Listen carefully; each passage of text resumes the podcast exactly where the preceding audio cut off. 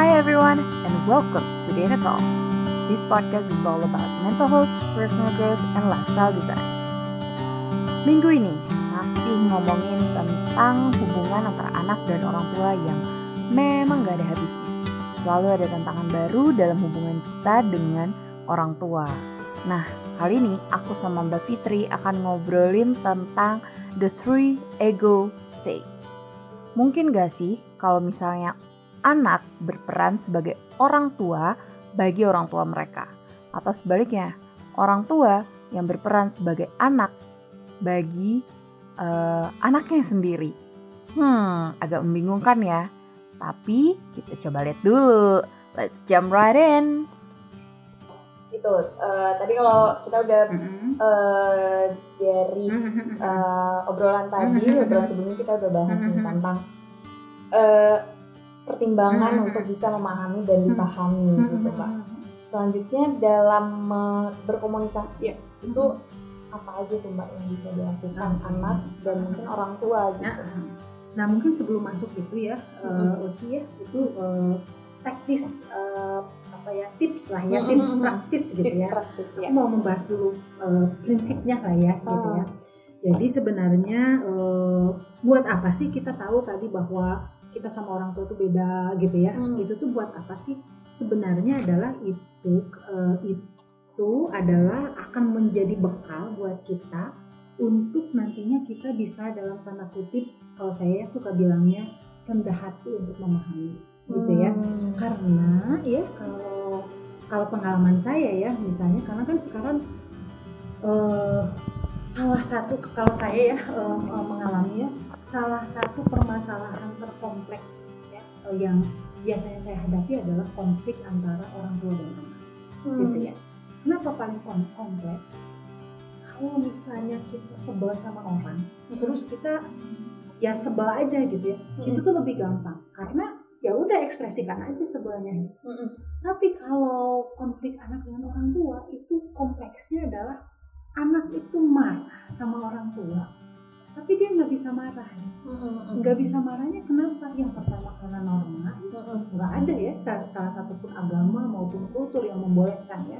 Yang kedua adalah karena sebenarnya kerinduan anak itu adalah eh, disayangi gitu. Jadi kalau pengalaman saya dengan apa dengan eh, kasus-kasus gitu ya orang dewasa yang masih marah sama orang tuanya Hmm. gitu ya marahnya mereka tuh bukan marah karena eh, marah mereka tuh lebih marah karena kenapa kamu nggak sayang sama saya gitu loh Hmm. jadi ngambeknya tuh karena gitu gitu ya Hmm. oleh karena itu nggak bisa kalau kalau kalau di luar negeri itu ya kalau family Hmm. terapi atau couple terapi itu bisa tuh ada sesi so sekarang ini adalah dipertemukan gitu ya Hmm. orang tua dan anak sekarang silahkan kamu marah sama orang tua kamu bisa berhasil itu tapi kalau di Indonesia nggak akan bisa. Karena sebenarnya saya tuh bukan pengen marah saya tuh bukan pengen nunjuk-nunjuk orang tua saya. Tetapi saya tuh pengen orang tua saya minta maaf kayak ke saya gitu ya. Hmm. memeluk saya kayak Hmm. menelpon saya gitu ya. Jadi itu gitu ya. Nah kalau pengalaman saya biasanya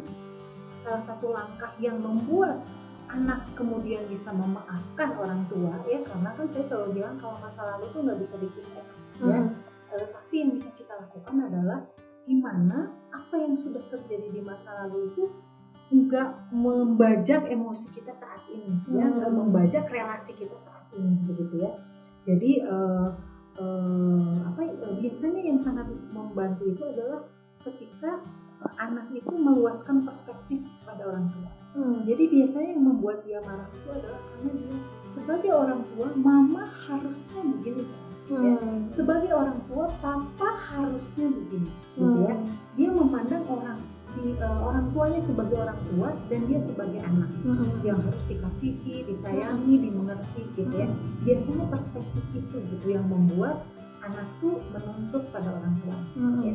di satu sisi kita sebagai orang tua memandangnya kamu harus nurut sama saya Hmm. dong Hmm. kamu harus mengikuti nasihat saya gitu Hmm. jadi kan nggak pernah ketemu gitu Iya. ya biar ketemu gimana biar ketemu adalah si anak ini harus har- teman-teman ya Hmm. dalam hal ini harus mau memandang orang tua nggak cuman sebagai orang tua Hmm. tetapi sebagai manusia Hmm. gitu ya yang tadi itu dia punya perjalanan hidup, punya pengalaman, punya umur yang berbeda, punya ketakutan tertentu, punya harapan tertentu. Gitu.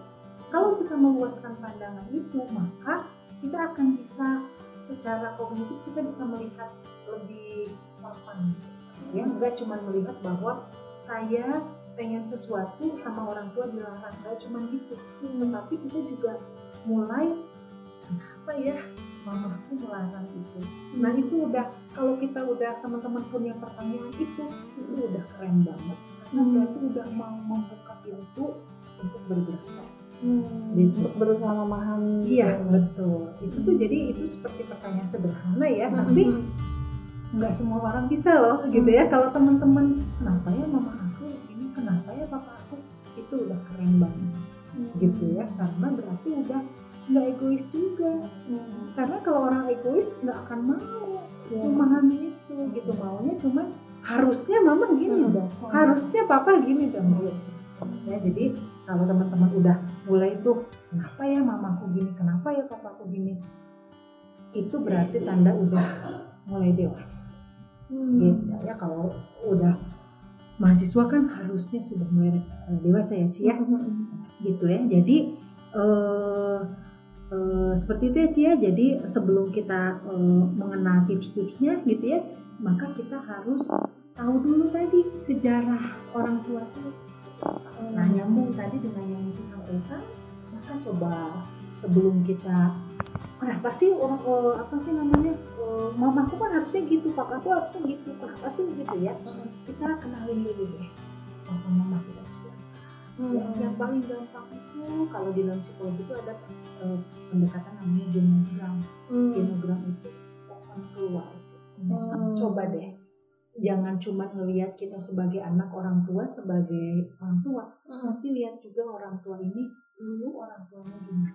Hmm. gitu ya. Hmm. Itu akan membuat per- membuka perspektif Ci. Misalnya ya, kenapa sih mama tuh misalnya oh apa sih namanya eh, eh, kekeh gitu ya aku harus ma- eh, harus masuk ke jurusan itu gitu ya Mm. aku harus S2 nantinya gitu ya Hmm. lihat gitu ya bahwa misalnya oh mama tuh dulu eh, apa misalnya apa, apa kakek tuh keluarga profesor misalnya Hmm. gitu ya terus oh semua kakek ka- eh, apa oh, mam- mama mamaku juga dokter misalnya Hmm. tante-tante om-om semua minimal S2 misalnya.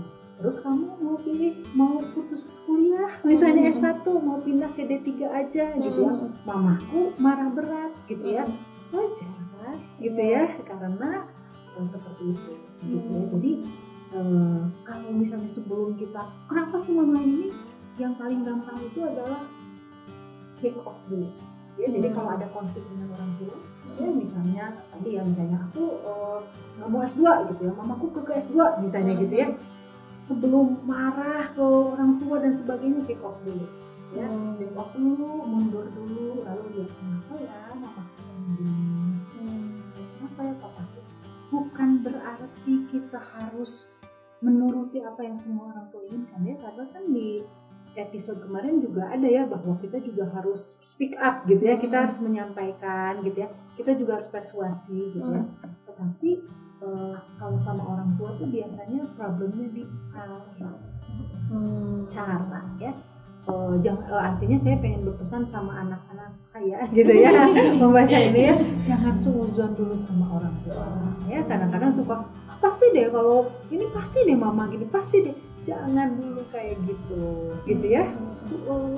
Eh, apa husnuzon dulu ya. Mungkin kalau diterangkan dengan cara ini bisa ya diterangkan dengan cara itu bisa gitu ya Nah seperti itu Ci, Eh, karena kadang-kadang orang tua juga walaupun penampakannya orang tua Hmm. ya itu tuh bisa jadi kalau dalam komunikasi Hmm. itu tuh bisa dia secara psikologis yang dia tunjukkan tuh bisa sebagai orang tua, bisa juga sebagai anak Hmm. gitu dan bisa juga sebagai orang dewasa gitu ya. Jadi kalau kita juga sebagai anak ya harus nangkep oh ini mama lagi jadi orang lagi jadi anak nih. Misalnya Hmm. gitu ya misalnya gini kenapa sih kamu nggak nelfon nelfon? Udah kalau kalau kamu nggak suka ya sama mama udah gitu ya. Oh mama lagi ngambek nih. Ini ini kan kalau kayak ngambek itu kayak anak ya. Jadi ya udah kita sedang berperan sebagai orang tua misalnya kita membujuk. Kan kalau membujuk tuh ini ya oh mama kok gitu aja ngambek sih? Gitu. Udah deh aku pulang ya.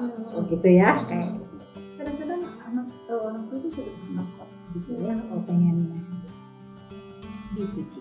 mungkin ya itu juga mbak konflik hmm. yang apalagi buat teman-teman yang hmm. mungkin masih remaja menuju dewasa kalau tadi emerging adulthood gitu ya mbak konfliknya adalah katanya semua orang tua itu sayang sama ah, anaknya ah, tapi dari dari hubungan aku dan orang tua kok mama oh, mama tuh sayang gak sih sama aku? Gitu. betul, gitu mama betul. tuh papa tuh sayang gak sih ah, sama ah, aku? ah, kalau sayang kenapa gitu? Ah, gitu.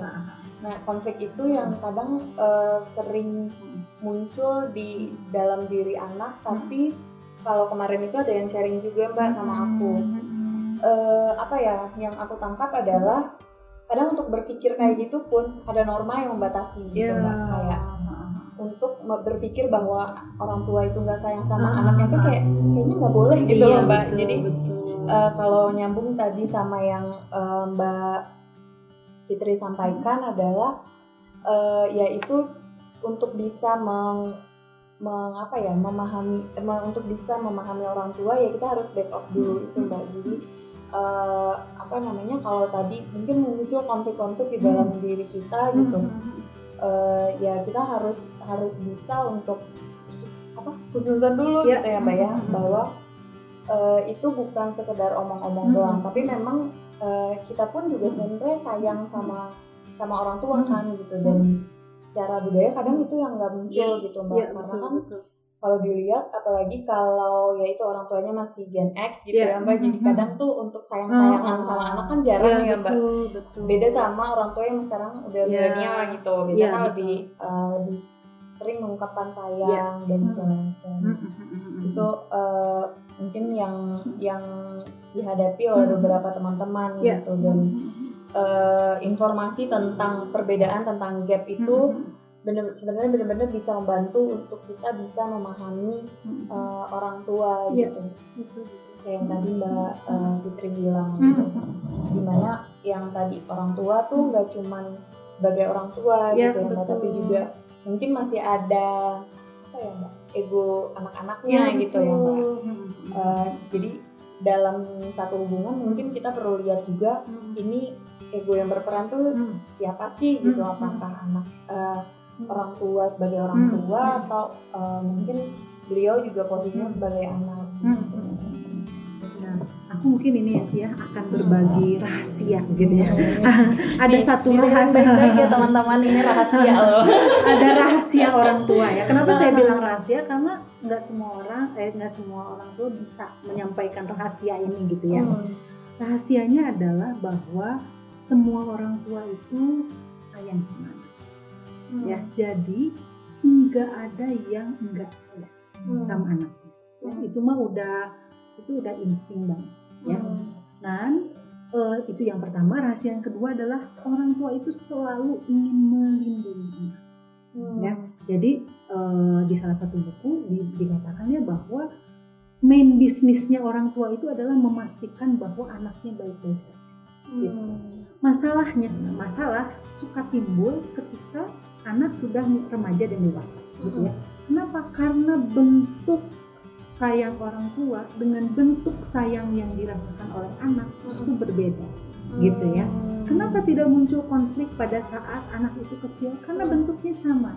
Misalnya ya bayi gitu ya. An orang tua sayang sama anaknya bayi dengan cara menyusui anaknya juga merasa disayangi dengan cara disusui. Artinya hmm. kebutuhannya sama. Anak orang tua kebutuhan mengekspresikan sayangnya dengan meluk, anaknya juga butuh dipeluk gitu ya. Nah, ketika mulai remaja muncullah ada perbedaan. Hmm. Orang tua tidak berubah sayangnya. Misalnya anaknya misalnya uh, pamit untuk nonton bareng sama temennya ya orang tua sayang, khawatir anaknya nanti kemalaman dan sebagainya, jadi maksa untuk nemenin. Oke, mama temenin. Kenapa mamahnya maksa nemenin? Karena mamahnya ingin memastikan anak baik-baik saja, anak aman, anak hmm. selamat, anak tidak kurang suatu apa pun anak ya sudah punya kebutuhan yang berbeda ya jadi dia merasa kalau mama ikut mama nggak sayang sama aku karena aku nanti diajak sama teman-teman aku yeah. gitu ya. Nah coba kalau kita terapkan ya. Tadi kita terapkan yang yang tiga perbedaan itu ya Cia misalnya ibunya paham oh iya ya. Anak aku teh udah 14 tahun gitu ya. Anak aku teh udah 14 tahun uh, dan nonton ke bioskop sekarang itu beda sama nonton ke bioskop zaman aku dulu gitu ya. Itu akan aman gitu ya. Hmm. jadi dia akan belajar kan untuk mempercayai anaknya. Hmm. di satu sisi anaknya juga kenapa sih mama tuh khawatir oh iya ya kemarin tuh ada berita anak diculik gitu loh. Nah kadang-kadang itunya yang enggak disampaikan gitu ya jadi nggak ketemu. Jadi satu bentuk yang sama niatnya sama gitu ya tetapi di persepsinya beda banget. Hmm. itu yang suka kadang-kadang bikin sedih ya gitu ya. Uh, sama nih kayak misalnya nih teman-teman aku tuh nggak mau S2 karena aku tuh pengen cepet-cepet uh, ngasih gaji pertama ke mama gitu ya. Hmm. itu kan mulia banget ya. Mamahnya itu merasa aduh zaman sekarang mah S1 mengalah aku gitu. Udah kamu jangan mikirin mama gitu ya biar mama kerja keras kamu sampai S2 gitu ya nggak disampaikan ini kan sedih hmm. banget ya sama-sama sayang hmm. tetapi jadinya berantem gitu. Karena yang yang yang kelihatan kasat mata mamahnya maksa S2 hmm. anaknya maksa nggak mau gitu ya. why-nya nggak tahu. Kan sedih ya gitu ya. Jadi kalau kalau saya pengen uh, sampaikan ke teman-teman kalau memang mamahnya, papahnya nggak biasa ngomong lainnya, mm-hmm. kitanya yang ngomong lainnya. Misalnya, ma aku nggak mau keluar, aku tuh pengen cepet-cepet dapat kerjaan, pengen mm. cepet-cepet ngasih gaji pertama ke mama misalnya, ya. Mm. Terus nanti mamanya bisa bilang, iya tapi mama mama tuh sebenarnya maksa kamu S2 karena mama tuh khawatir kan kalau gitu tuh ya gitu ya sebenarnya ya Ci ya kalau saya misalnya dengan klien gitu ya mm. apa bilang yang namanya family therapy, terapi itu itu aja gitu ya memfasilitasi untuk ngobrol lainnya gitu ya sampai kemudian oh gitu ya yeah, yeah. ternyata ya gitu mm. mama tuh maksa tuh karena sayang ya gitu mm. ya oh ternyata anak saya tuh nggak mau tuh karena ini ya gitu ya hmm. itu aja sih kadang-kadang gitu hmm, gitu. Uh, kalau ini yang banyak nyambung juga sama yang kemarin tentang gerak ke tengah gitu. Kalau dari hmm. contohnya Mbak Fitri tadi, kalau uh, kan ketika anak ngomong why hmm. itu juga orang tua akan berusaha yes. untuk uh, karena anaknya sudah terbuka ya, gitu, betul. mereka juga akan terbuka tentang mama tuh pengen kamu gini karena uh, ini betul gitu. betul, jadi betul. Uh, mungkin ya bukan tentang siapa yang bergerak duluan bukan, gitu ya mbak bukan. tapi memang gerak ke tengah itu adalah sama-sama sama-sama gitu. jadi kayak misalnya tadi ya misalnya kayak aku mau kerja di rumah aja misalnya gitu ya. Mm -hmm. orang tua tuh pokoknya kalian harus ingat itu ya.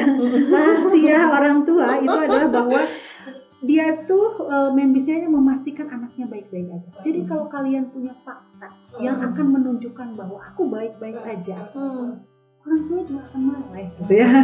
Jadi misalnya tadi ya aku mah aku tuh nggak mau melamar-lamar sini, aku tuh mau bikin startup ini. Kalau cuma gitu doang orang tua mana ngerti startup itu apa gitu ya? Tapi coba kalian jelasin mas startup tuh ini loh nih ini ada temanku. Mama mau nggak ketemu sama teman kakak kelas aku? Kakak kelas aku juga dia tuh pintar IPK-nya empat tapi dia bikin startup. Nanti mama ngobrol ya gitu. Jadi kan orang tua juga oh startup tuh gitu ya. Oh ternyata bukan main-main doang bukan karena males loh anakku gitu ya. Uh, ketemuin sama kakak kelas uh, apa uh, omsetnya berapa? Oh segitu oh gitu ya. Kita juga uh, ilmu baru. Tapi kalau cuma bilang nggak mau aku mau startup startup tuh naon gitu ya. Gitu ya jadi uh, kayak gitu ya. Uh, ini aja uh, kalau misalnya uh, orang tuanya itu dalam kondisi anak tadi ya merajuk marah ngambek gitu ya aja untuk bicara sebagai orang dewasa. Dan berarti kalian teman-teman juga harus orang dewasa juga gitu ya. Kalau orang dewasa tuh bicaranya dengan apa? Dengan fakta.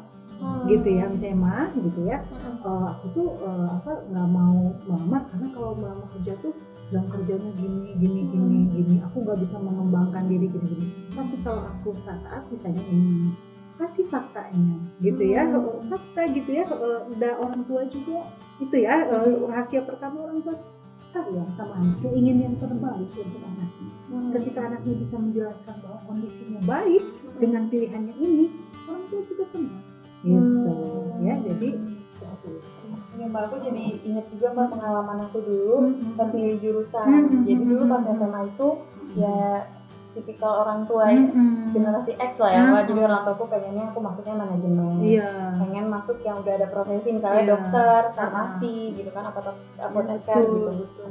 nah di saat itu aku pengennya psikologi mm-hmm. tapi memang baru banget mbak mm-hmm. maksudnya orang tua aku pun nggak tahu psikologi yeah. itu apa psikolog teh apa gitu ya mbak dan waktu itu memang alasan orang tua yeah. Kayaknya psikolog itu nggak prospekful yeah. untuk kamu gitu. waktu itu uh, aku jadi kerasa banget nih mbak perbedaannya gitu. Jadi awalnya aku waktu itu uh, maksa aja. Pokoknya aku mau ngambil psikologi gitu. Uh, jadi sampai waktu itu nggak teleponan sama orang tua mbak karena udah nggak mau debat gitu. Tapi akhirnya di situ aku uh, mencoba uh, nyari tahu. Aku aku pun sebenarnya belum tahu-tahu banget gitu psikologi itu apa. akhirnya aku cari tahu ke seniorku yang psikologi gitu. cari di buku uh, di internet itu gitu apa segala macam dan setelah aku jelaskan hmm. ke orang tua di situ baru orang tua oh memang uh, karena psikologi itu cukup yeah. menjanjikan. Terus juga oh aku ada effort nih hmm. untuk menjelaskan gitu hmm. di situ mulai yeah. ya udah silakan nak kayak gitu nah betul, betul. Oh, mungkin waktu itu aku juga nggak nyadar apa yeah. yang aku lakukan mbak tapi sekarang aku jadi oh ternyata memang betul. terasa gitu mbak hmm. bedanya antara hmm. ketika aku kalau tadi kita ngomongin uh, ego state gitu yeah. ya mbak ketika awalnya aku hmm. maksa hmm. aku jadi anak juga yeah, gitu kayak betul. pokoknya ketemu gini, anak ya iya tapi setelah yang tadi mbak Putri bilang mungkin uh, menjelaskan fakta membeberkan datanya kayak gimana ya orang tua aku pun paham yeah. gitu ternyata nah, ini yang anaknya mau bahkan yeah. sekarang mendukung banget sampai aku S2 gitu betul betul, betul gitu. jadi intinya dua belah pihak jangan suzon dulu. Ya. Jadi jangan uh, ah pasti deh gitu ya. Misalkan ah dia mau milih itu karena malas deh gitu ya. Karena nggak mau belajar karena jurusan itu mah susah pengennya yang gampang aja biasanya gitu ya. Pengennya yang gampang aja jangan dulu dengerin dulu gitu ya. Jadi memang uh, nanti mungkin di di episode lain ya kita bisa bicara pentingnya mendengarkan itu ini banget kunci banget ya mendengarkan. Mendengarkan itu kuncinya jadi uh, mungkin itu teman-teman yang perlu kita highlight hmm. uh, apalagi yang denger ini tadi uh, yang dengerin umumnya adalah anak gitu ya mbak bahwa uh, sebenarnya orang tua itu hanya ingin memastikan anaknya baik-baik ya, saja betul. gitu dengan uh, entah dengan cara apa pun hmm. kita sebaiknya juga memberikan apa ya memberikan perasaan aman itu ke orang ya, tua betul, gitu betul, bahwa betul, betul. Uh, kita juga di sini aman dengan cara kita ya. gitu nggak harus dengan cara yang orang tua tahu karena ya. kan yang tadi ya mbak dengan kita ngomongin game hmm. itu banyak banget informasi-informasi yang juga ya. mungkin beda antara ya. anak dan orang tua hmm. dan di situ tugas kita adalah untuk memberikan rasa aman hmm. itu ke ya, orang tua betul, gitu betul, bahwa betul. Uh, kita uh, apa ya kalau di episode sebelum itu kita bilang maaf pak aku baik-baik saja ya betul betul dan itu dengan fakta ya hmm. jadi dengan fakta karena dengan fakta itu artinya uh, orang tua juga mendapat pengetahuan baru ya hmm. jadi kayak misalnya gini lah uh, anaknya misalnya mau S2 ke luar negeri hmm. orang tuanya melarang kenapa hmm. jadi ketika anak ya sebagai anak ketika orang tuanya melarang atau ini tuh dia harus bertanya kenapa ya hmm. gitu ya uh, jangan mendebak-nebak hmm. tanya hmm. gitu. Mak emang kenapa uh, uh, kakak nggak boleh keluar negeri ya? Hmm. dari situ akan keluar jawaban yang mungkin berbeda dengan apa yang kita pikirkan hmm. gitu ya. Misalnya ya soalnya gimana kalau nanti kalau sakit gimana? Kan ada ada gitu ya. Iya, iya. kalau sakit gimana? Gitu ya. Hmm. nanti kalau ada yang jahat sama kamu gimana? Balik lagi ya ke rahasia tadi. Orang tua itu hmm. selalu ingin melindungi jadi dia akan merasa uh, uh, apa dia bukan jadi orang tua yang baik kalau dia nggak bisa melindungi anaknya nah hmm. sekarang orang tuanya anaknya mau pergi ke luar negeri hmm. nanti kalau dia sakit nggak bisa masakin makanan kesukaannya hmm. nggak bisa ngerokin ya hmm. Eh, saya nggak ada di sana gimana kita bisa meredakan kecemasan itu memberi rasa aman itu dengan dengan fakta cuma sekarang mah di luar negeri teh ini hmm. bisa skypean gitu ya mama kalau misalnya mau kirim rendang gitu ya bisa begini gitu, gitu ya.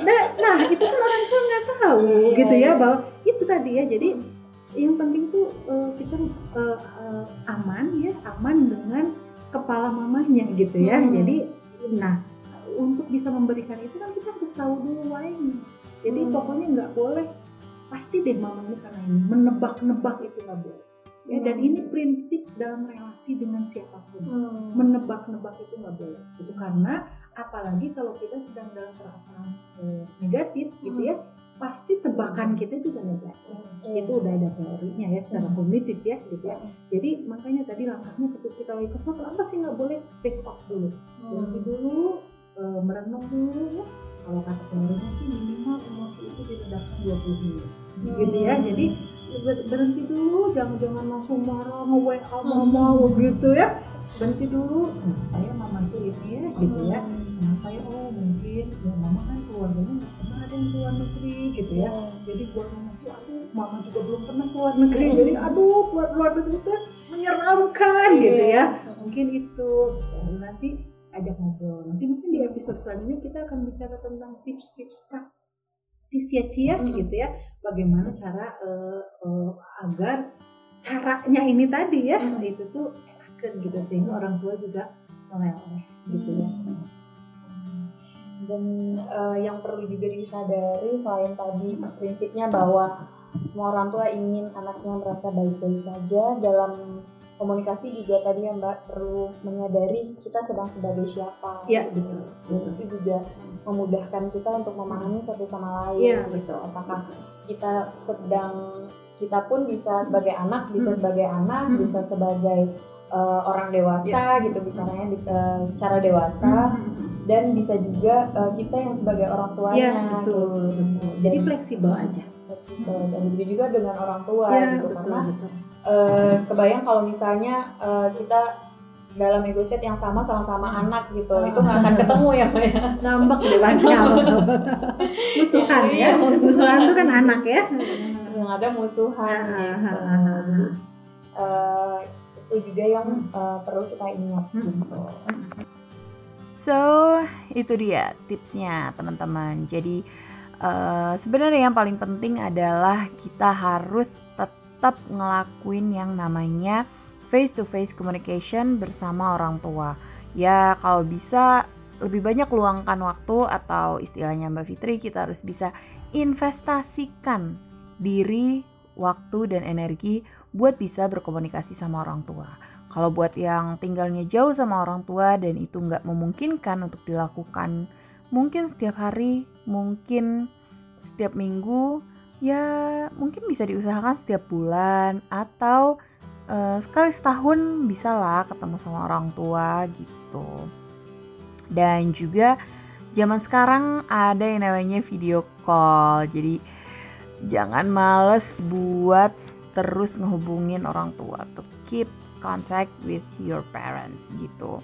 Karena ya itu tadi komunikasi itu 7%-nya verbal, 93%-nya non-verbal. Jadi kita harus lebih banyak untuk berinteraksi uh, face to face sama orang tua kayak gitu. Dan yang paling penting sebenarnya ya tadi ya, kita harus investasi.